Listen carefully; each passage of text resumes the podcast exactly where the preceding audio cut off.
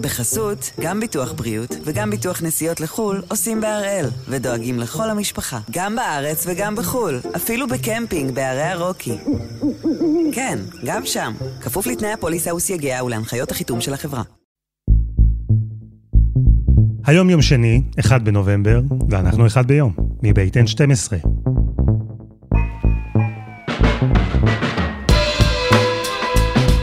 אני אלעד שמחיוף, ואנחנו כאן כדי להבין טוב יותר מה קורה סביבנו, סיפור אחד ביום, כל יום.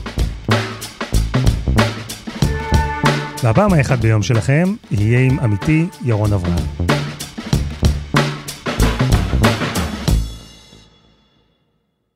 בסוף השבוע הקרוב, אם לא יהיו כאן הפתעות יוצאות דופן, יקרה משהו שלא קרה כבר שלוש שנים. קשה להאמין שהתרגלנו כולנו, אבל במשך שלוש שנים לא היה כאן בכלל תקציב מדינה. ואם הכל ילך כמו שמתכננים בקואליציה, סוף סוף יהיה תקציב כזה בימים הקרובים ממש. אבל אם בכל זאת, וזאת אפשרות, תיאורטית, קטנה, אבל אפשרות, תהיה דרמה של הרגע האחרון, יקרה כאן דבר שקרה פה כבר כמה פעמים בשלוש השנים האחרונות. בחירות. אין משהו שהם לא יעשו השבוע כדי להפיל את התקציב ולהוביל לבחירות החמישיות, אבל אני רוצה להרגיע את כולם. חבל להם על המאמץ.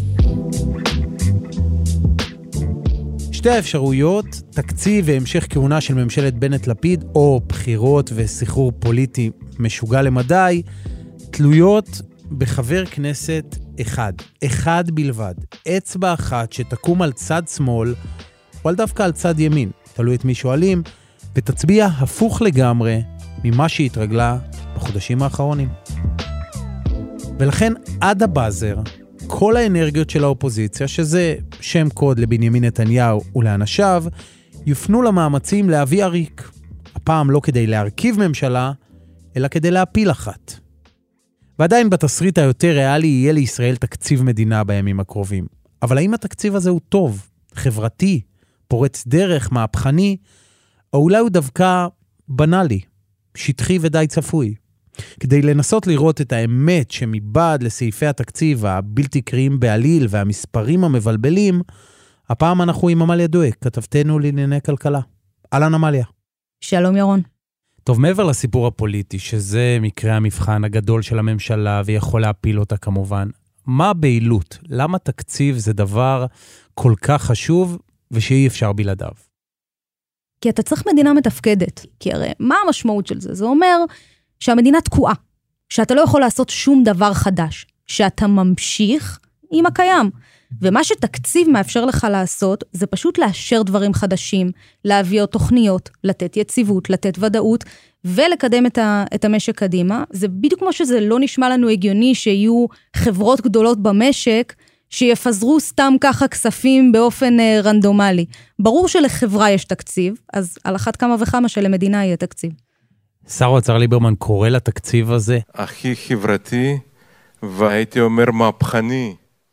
הוא מגזים או מדייק? איפשהו באמצע, אני חושבת, כמו כל דבר שקשור לדברים שפוליטיקאים מוציאים מהפה. אמ, תראה, יש כאן רפורמות שבאמת דובר עליהן שנים ועכשיו פתאום יוצאות לפועל, בראש ובראשונה העלאת גיל הפרישה אה, לנשים, מגיל 62 לגיל 65. מהלך שאומנם ייקח 11 שנים, אבל היה תקוע כל כך הרבה זמן בגלגלי הבירוקרטיה, ופתאום שהוא קורה, אז, אז בא שר האוצר ומגדיר אותו חברתי. עושה סוגריים רגע. אפשר להתווכח על זה.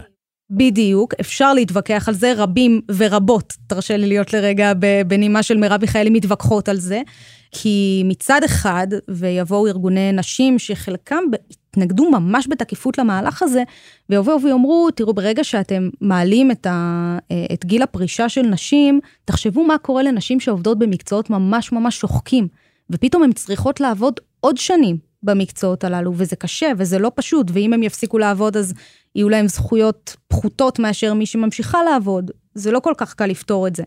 מהצד השני, הטענה שאומרת שישראל קצת נשארה מאחור, שבכל המדינות המפותחות כבר הפערים האלה בין נשים וגברים הולכים ומצטמצמים, והדרך כרגע בתקציב לנסות לגשר על שתי התפיסות האלה, אם זה חברתי או ממש גרוע ומזיק לאותן נשים, זה א', לתת הכשרות תעסוקתיות לנשים מעל גיל 50, אה, לתת סיוע כספי לנשים שהתקשו כתוצאה מהמהלך הזה, ובעיקר לעשות את זה מדורג. על פני 11 שנים, כל פעם להעלות את גיל הפרישה במספר חודשים, לא לעשות את זה באבחה אחת.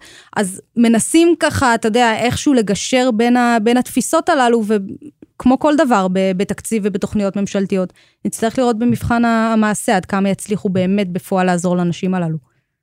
ולמעט זה, אילו עוד דברים דרמטיים את רואה בתקציב? אז הייתי מסמנת גם את uh, קצבת הנכות, העלאת קצבת הנכות כמשהו שהוא כמובן משמעותי, ותמיד אנחנו שמחים לראות אותו בחברה שרוצה לסייע גם לחלשים שלה. ואני מניחה שאם היה יושב כאן שר האוצר ליברמן, הוא גם היה מסמן את העדפה המאוד משמעותית לתחבורה הציבורית, כמהלך שהוא גם כן מהלך חברתי. ועל זה אני ממש מוכנה להתווכח איתו כמה זמן שהוא ירצה. אז בואי תתווכחי. תראה, יש כמה מהלכים אה, מאוד משמעותיים בתקציב הזה. דבר ראשון, מדברים על אגרות גודש בגוש דן. אמנם זה אמור לקרות רק ב-2025, אבל זה משהו שכל הזמן עלה, כל הזמן פסלו אותו, לא באמת קרה, והנה עכשיו זה אמור לקרות. רק בואי נסביר, מדובר על מס למי שרוצה להיכנס לתל אביב. בדיוק. זה אמור לעלות הרבה כסף, וזה אמור להשאיר הרבה אנשים עם הרכב הפרטי בבית וללכת לתחבורה הציבורית. זה רפורמה אחת. דבר שני, עיקור של כל החנייה. בעצם החנייה תהיה בחינם רק באזור המגורים, מעבר לזה העיריות פחות או יותר יוכלו לעשות מה שבא להן ולייקר את החנייה. אז זה כביכול, אתה יודע, תמריץ לאנשים, תוותרו על הרכב הפרטי. לכו לתחבורה הציבורית. מה הבעיה הקטנה? שאין תחבורה ציבורית. שאין תחבורה ציבורית במדינת ישראל. כלומר, זה לא באמת מתפקד. באים לחנוך עכשיו את הקו האדום של הרכבת הקלה במחילה מכל האנשים שמאוד מאוד מתרגשים, וזה באמת מאוד יפה, וזה מצטלם נהדר, אבל זה קצת כמו שתגיע לניו יורק, ויהיה לך רק את הקו האדום 1, 2 ו-3, ולא יהיה לך את כל רשת הקווים. זה לא באמת נותן מענה.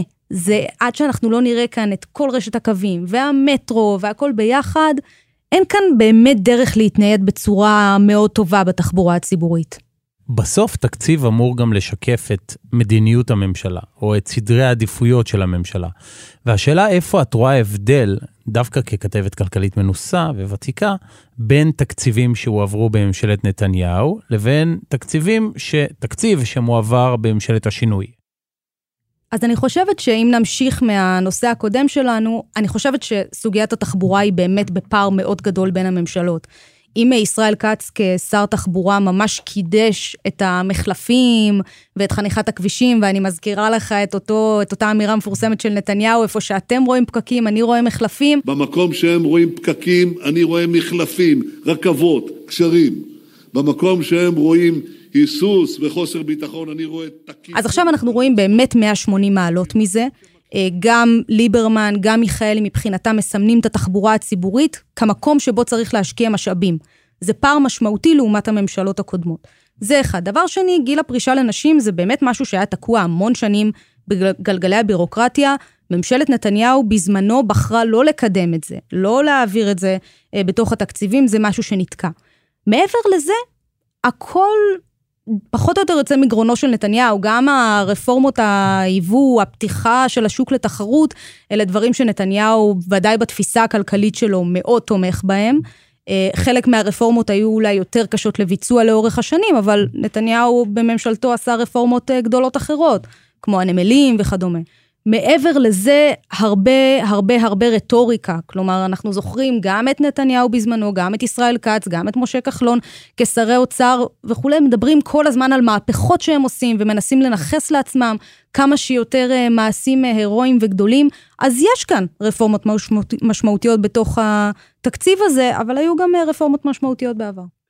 כשאת מדברת עם משרדי הממשלה, שבמשך שלוש שנים היו ללא תקציבים, לא הצליחו להוציא שקל, כל מה שהם תכננו היה תקוע בצינורות כי לא היה כסף. מה את רואה שם? חזר להם הצבל על חיים, בגדול. אה, כשאתה מדבר עם האנשים, ב, ב, לא רק במסדרנות האוצר, באמת בכלל, ב, בכל המשרדים הממשלתיים, יש תחושה אה, מאוד גדולה שהרבה דברים היו תקועים הרבה זמן בצנרת, ופתאום זה מאפשר להם בבת אחת לשחרר. אגב, חיסרון של זה, זה שהיו גם רפורמות לא לחלוטין אפויות שנכנסו אל תוך התהליך הזה, וכנראה גם יעברו תיקונים as we go, בגלל שכל כך רצו לנסות וליצוק כמה שיותר תוכן אל תוך ההזדמנות הזו. האנשים, הפקידים בשטח, מאוד מרוצים, כי בסוף אה, גם מעצם זה שהייתה את הדחיפות הגדולה להעביר את התקציב, לשם שינוי, די הסתמכו עליהם, ושמעו את דעתם, ונתנו להם להעביר הרבה מהדברים שהם רצו. יכול להיות שאם היה יותר זמן או יותר אורך רוח לקואליציה, אז אולי דברים היו נראים קצת אחרת. בואי נדבר על מיסים. כמה כאלה יש בתקציב ואיזה סוג של מיסים? בוא נספור ביחד. יאללה. אוקיי. אה, אז דבר ראשון, אנחנו מדברים על מיסים ש... כלומר, זה לא כמו העלאה עכשיו של מע"מ או של מס הכנסה, זה סוג של מיסים שבאים לחנך אותנו כציבור. אז אגרת גודש זה סוג של מס, דבר ראשון, כלומר, כל מי שייכנס לגוש דן יצטרך לשלם כסף למדינה. אה, מיסוי על כלים חד פעמיים, מה שעלול לפגוע בעיקר בשכבות החלשות וכבר עכשיו ייכנס לתוקף. מיסוי על משקאות ממותקים, אה, שבעצם בא להעביר לנו מסר של חבר'ה, אל תשתו את זה, זה מזיק לכם, אבל אנחנו יודעים שהרבה משפחות, בעיקר מהשכבות הנמוכות, קונות את המוצרים האלה. אם הם ימשיכו לקנות אותם, הם ישלמו עליהם יותר. כלומר, מיסים שנועדו לשנות התנהגות. Mm-hmm. ז- זאת ההגדרה. מנסים לחנך את הציבור דרך הכיס. אז תכף נדבר על הבעיות שיש בתקציב, אבל קודם, חסות אחת, ממש מיד חוזרים.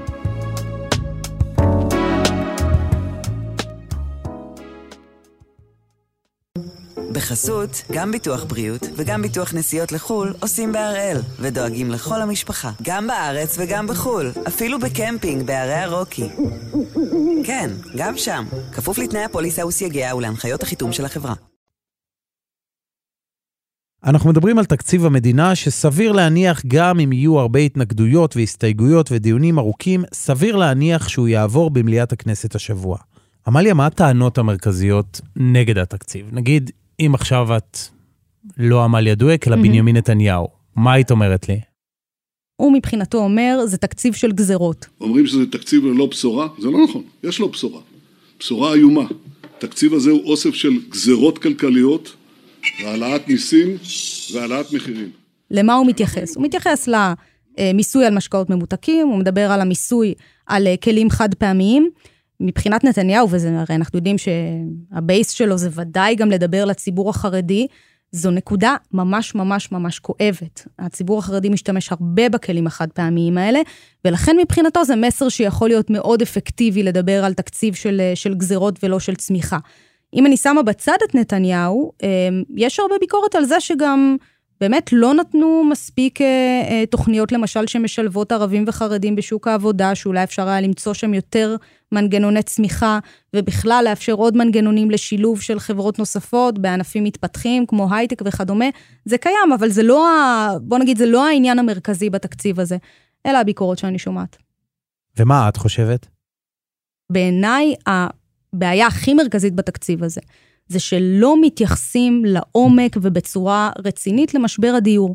זה פשוט לא קורה. יש שם כל מיני נקודות ספורדיות שהן נחמדות, אתה יודע, של אה, הורדת אחוז האנשים שצריכים לחתום בתוכנית פינוי-בינוי וכדומה. אבל כשמחירי הדיור מזנקים ביותר מ-9% בשנה, זה לא מספיק. אתה יודע, יש לך כאן הזדמנות של מסלול ירוק, להעביר דרכו רפורמות, לעשות דברים גדולים. לא ניצלו את זה מספיק בהיבט הנדל"ן. כלומר, זה העניין, כי הממשלה כן הציגה תוכנית דיור, אגב, באופן, לדעתי, לא מקרי, צמוד להעלאת התקציב בכנסת, כדי לטשטש את זה שהוא לא נמצא ב, ב, בתקציב. Mm-hmm. אבל בעצם את אומרת, אם כל התוכניות האלה היו עוברות בחוק ההסדרים, הן היו מקודמות במסלול ירוק ומהיר. נכון, ואני גם שואלת את אנשי האוצר ומשרד השיכון, למה לא עשיתם את זה בעצם? והם אומרים, תראי, יש גבול לכמה אנחנו יכולים לצקת לתוך הדבר הזה שנקרא תקציב וחוק הסדרים. הרי בלאו הכי יש ביקורת מאוד גדולה על מה שנקרא חוק ההסדרים, שדוחסים אליו יותר מדי, וזה לא באמת הליך שהוא דמוקרטי ומאפשר פיקוח על כל המהלכים. אבל זאת המצוקה הגדולה. בדיוק, אז זה בדיוק מה שאני עונה להם, שאני חושבת ש... אפשר היה ברמת התעדוף לשים את זה הרבה יותר גבוה בסדר העדיפויות. ואם יש כבר מהלכים, שהנה, אתם כבר יודעים מה הם, אתם מכריזים על התוכנית עוד לפני שמאושר התקציב, הייתם יכולים כנראה גם לגבש אותם עוד לפני זה, ולהכניס את זה אל תוך החבילה הזו. ובכל זאת הממשלה כן הציגה תוכנית. מה הצעדים שהיא מתכוונת לעשות כדי אולי, איך נגיד, לשטח את העקומה? כן. טוב, דבר ראשון, העלאת המיסוי על המשקיעים. אה, נזכיר, זה קרה בתקופתו של אה, שר האוצר לשעבר כחלון, אחרי זה השר כץ הוריד את המס על המשקיעים, זה גרם לנהירה שלהם אל השוק. המחירים עלו, לא רק כתוצאה מזה, אבל עלו, והנה עכשיו מעלים שוב את המס על המשקיעים. מהלך מתבקש, אבל תרשה לי להיות מאוד מאוד מאוד סקפטית על ההשפעה שלו בטווח הזמן המיידי. זה יכול לקחת גם שנתיים עד שנראה השפעה של זה. לוקח זמן עד שהתהליכים האלה באמת מבשילים בשוק כמו שוק הנדל"ן. אה, מעבר לזה, אני חושבת שהצעד אולי הכי מפתיע, אה, שלפחות אותי באופן אישי הכי הפתיע בתוכנית בקיצוניות שלו במובן מסוים, זה שכל הזמן דיברו, וגם ממשלת נתניהו דיברה, על לנסות למנן את כמות הדירות שהולכות ל-Airbnb בשוק. יש, בעיקר בתל אביב, יש משהו כמו 9,000 דירות שהולכות להשכרה לטווח קצר. עכשיו, זה דירות שהיו יכולים להיות בהן זוגות צעירים. אולי לשלם מלא כסף, אבל לפחות שתהיה להם את האופציה. וזה לא באמת קורה. אמ, אז דיברו בהתחלה על מיסוי, ואולי שהם ישלמו מס כמו על מלונות, ופתאום אתמול מתייצבים השרים ואומרים, אנחנו בכלל לא הולכים לכיוון הזה. עוד פעם, הדירות שהשתמשו בהן לצרכים כמו Airbnb, אנחנו לא רואים לזה שום הצדקה, ואנחנו רוצים גם את הדירות האלה להגדיר את זה כשימוש חורג ולאסור בשנים הקרובות, שוב במרכז הארץ. אנחנו פשוט אוסרים את זה לחלוטין. כלומר, אסור יהיה להשכיר דירות ל-Airbnb. ועכשיו אני שמה כוכבית ענקית על הדבר הזה, כי זה ייקח שנים. המנגנון, ובאמת, אני לא אכניס אותך לזה, כי זה מנגנון מגה בירוקרטי, אומר שאם אתה משכיר דירה ל-Airbnb, אתה צריך לקבל אישור מהמדינה. עכשיו הם רוצים להעביר בחוק שלא ייתנו יותר אישורים כאלה, אבל אישורים קיימים רק לא יעריכו אותם. אז אם למישהו כבר יש אישור לשלוש שנים, הוא יוכל להמשיך להשכיר. בקיצור, אל, אל, אל תישאר עם, עם נשימה עצורה לחכות שזה ישפיע על השוק. אבל לפי מה שאת מתארת, לא רק שהדברים שקשורים לדיור לא נכנסו לחוק ההסדרים, גם האלמנטים של הדיור שנמצאים בתוכנית שהוצגה, הם נורא מזעריים. אני לא יודעת אם הם מזעריים. תראה, יש שם הרבה צעדים. אני חושבת שהשאלה, עד כמה הם ייושמו בפועל, וזה תמיד בסוף, בסוף המבחן, אין מה לעשות. עכשיו, אם זה ייקח עכשיו חודשים עד שזה ייושם, על ההיסטור, כי השוק יסתכל על זה ויגיד, חבר'ה, אתם לא מרשימים אותנו, המחירים ממשיכים לעלות. אם זה ייושם מהר, ויראו שהנה, אנחנו באנו לעבוד ואנחנו באנו ליישם, ובאנו באמת לתת עבודה, אולי זה ישנה את המציאות קצת. בוא נדבר רגע על העניין הזה של הכספים הקואליציוניים שתפס את הכותרות. מה זה בכלל? זה פחות או יותר שוחד, אפשר לקרוא לזה ככה, סליחה על הבוטות, רק שזה שוחד שקורה על השולחן, והמטרה שלו זה לתת כסף גם למפלגות, גם לחברי כנסת ספציפיים, למטרות שחשובות להם, כשבסוף הכוונה היא שזה מה שיסלול את הדרך לתקציב המדינה. אז מחלקים כמה מיליונים פה וכמה מיליונים שם, הכל עובר באופן מוסכם וברור וכביכול שקוף לציבור, רק כדי שבסוף כל חברי הכנסת יתיישרו ויצביעו בעד התקציב. אני חושבת שמבחינת חברי הכנסת יש להם כל מיני אה, אה, דברים שחשובים וקרובים לליבם, שא' הם רוצים להיות ממש בשליטה מלאה על לאן הכספים הולכים, וכמו שעכשיו לצורך העניין אה, שרת התחבורה או שרים אחרים בממשלה רוצים לשמור על התקציב שלהם, אז הם רוצים שתהיה להם את הדרך באמת להעביר כספים למקומות שהם חושבים לנכון. יותר חשוב אולי בעיניי גם להבין איך יכול להיות ש... מפלגה שלמה שהתנגדה למוסד הכספים הקואליציוניים. ממשלת ישראל הציגה שוחד פוליטי בשידור חי מול המצלמות. חברי הכנסת מהקואליציה קיבלו עשרות מיליוני שקלים כדי להצביע בעד התקציב. אני מזכיר לכם משהו שכנראה כולם שכחו. ללמוד את התקציב ואז להצביע בעדו, זו העבודה שלהם. זו לא איזה טובה שהם עושים למישהו. עיין ערך יש עתיד, פתאום נהנית מהם, יודעת בדיוק לאן היא רוצה להעביר את הכסף, אומרת שזה הולך למטרות נעלות, פתאום זה בסדר. תראי, אני לא אתנצל על כך שלקחנו 20 מיליון שקל לילדים על כיסאות גלגלים. לא אתנצל על כך שלקחנו... אבל גם הכספים הקואליציוניים... אה, ממש לא. דברי איתי רגע על ליברמן, לסיום. כמה הוא דרוך רגע לפני העברת התקציב? אני חושבת שליברמן אין לו לרגע ספק. כלומר, הוא ממש בטוח שזה יעבור, זה לפחות מה שהוא משדר גם כלפי חוץ, גם כלפי פנים. אמ, הוא לא מרגיש ולרגע אפילו איזשהו סדק ואפשרות ש... שמשהו בתוכנית ישתבש. כלומר, אפשרות של הפתעה ברגע האחרון נראית לו כמו משהו שפשוט לא יכול לקרות. לפחות, באמת אני אומרת לך, אני לא יודעת מה קורה שם בתוך תוכו של אביגדור ליברמן, לא נראה לי שיש אדם בעולם שיודע לומר מעבר לסיסמה שהוא תמיד אומר שהכל גן עדן, אם באמת הכל גן עדן בפנים. איך אומרים, אמר לי מישהו פעם, גם אביגדור לא יודע ליברמן. בדיוק, אה, אבל תראה, הוא כבר כמה שבועות מאוד קונסיסטנטי במסרים שהוא מעביר, שהתקציב יעבור, והוא גם כל הזמן אומר את הדבר הבא, עד הרגע האחרון יהיו עניינים, עד הרגע האחרון אתם תסקרו אותם, עד הרגע האחרון ינסו לגרום כאילו זה לא קורה, אבל זה יעבור. בוא נראה. עמליה, תודה. תודה, ירון. אז דיברנו על הרפורמות, על הבעד והנגד, על הפערים שיש בין ההכרזות הפומפוזיות לבין המציאות. אפרופו מציאות והכרה בה, אם התקציב הזה עובר, היכולת של האופוזיציה להפיל את הממשלה הופכת לכמעט בלתי אפשרית. למה? כי מכאן ואילך לא מספיק לגנוב חבר כנסת אחד שיצביע נגד התקציב. מעכשיו, אם האופוזיציה רוצה להפיל את הממשלה, היא צריכה לגייס 61 אצבעות שיצביעו בעד מועמד אחר לראשות הממשלה. נסו לדמיין את ביבי ואת טיבי מסכימים על אחד כזה.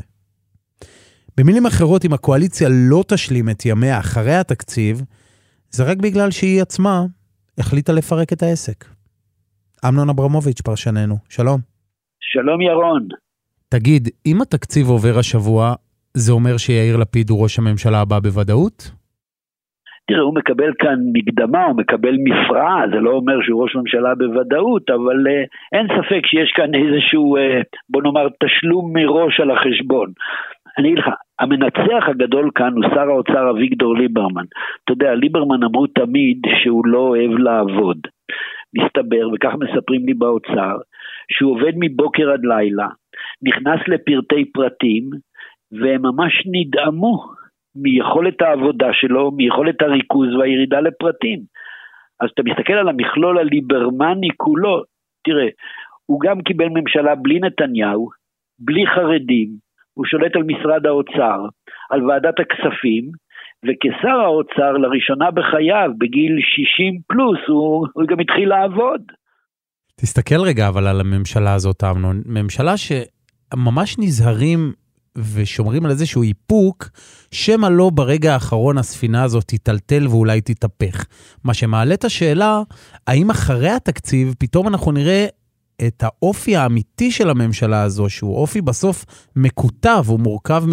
אה, היא מורכבת משבע סיעות שונות. האם פתאום אנחנו נראה אותם קצת פחות מאופקים זה לזה?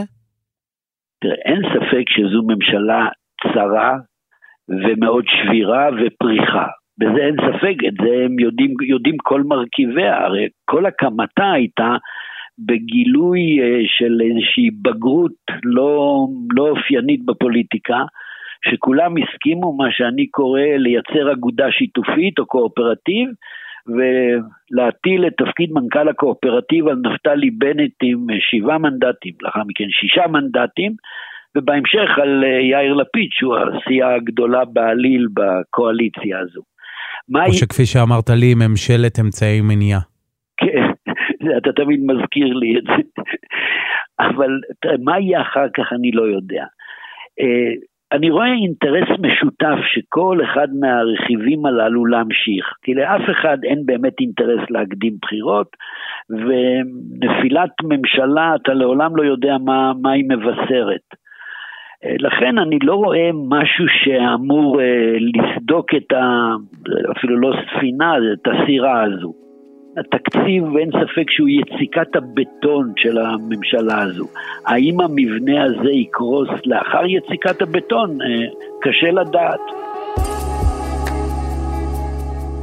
אמנון, תודה רבה. תודה לך.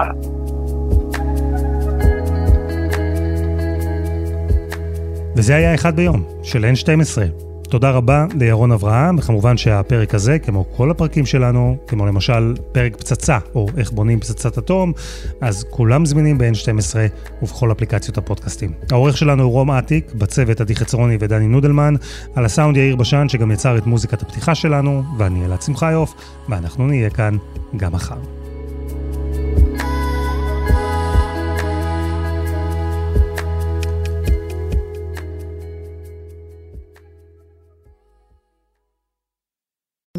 בחסות, גם ביטוח בריאות וגם ביטוח נסיעות לחו"ל עושים בהראל, ודואגים לכל המשפחה, גם בארץ וגם בחו"ל, אפילו בקמפינג בערי הרוקי. כן, גם שם, כפוף לתנאי הפוליסה וסייגיה ולהנחיות החיתום של החברה.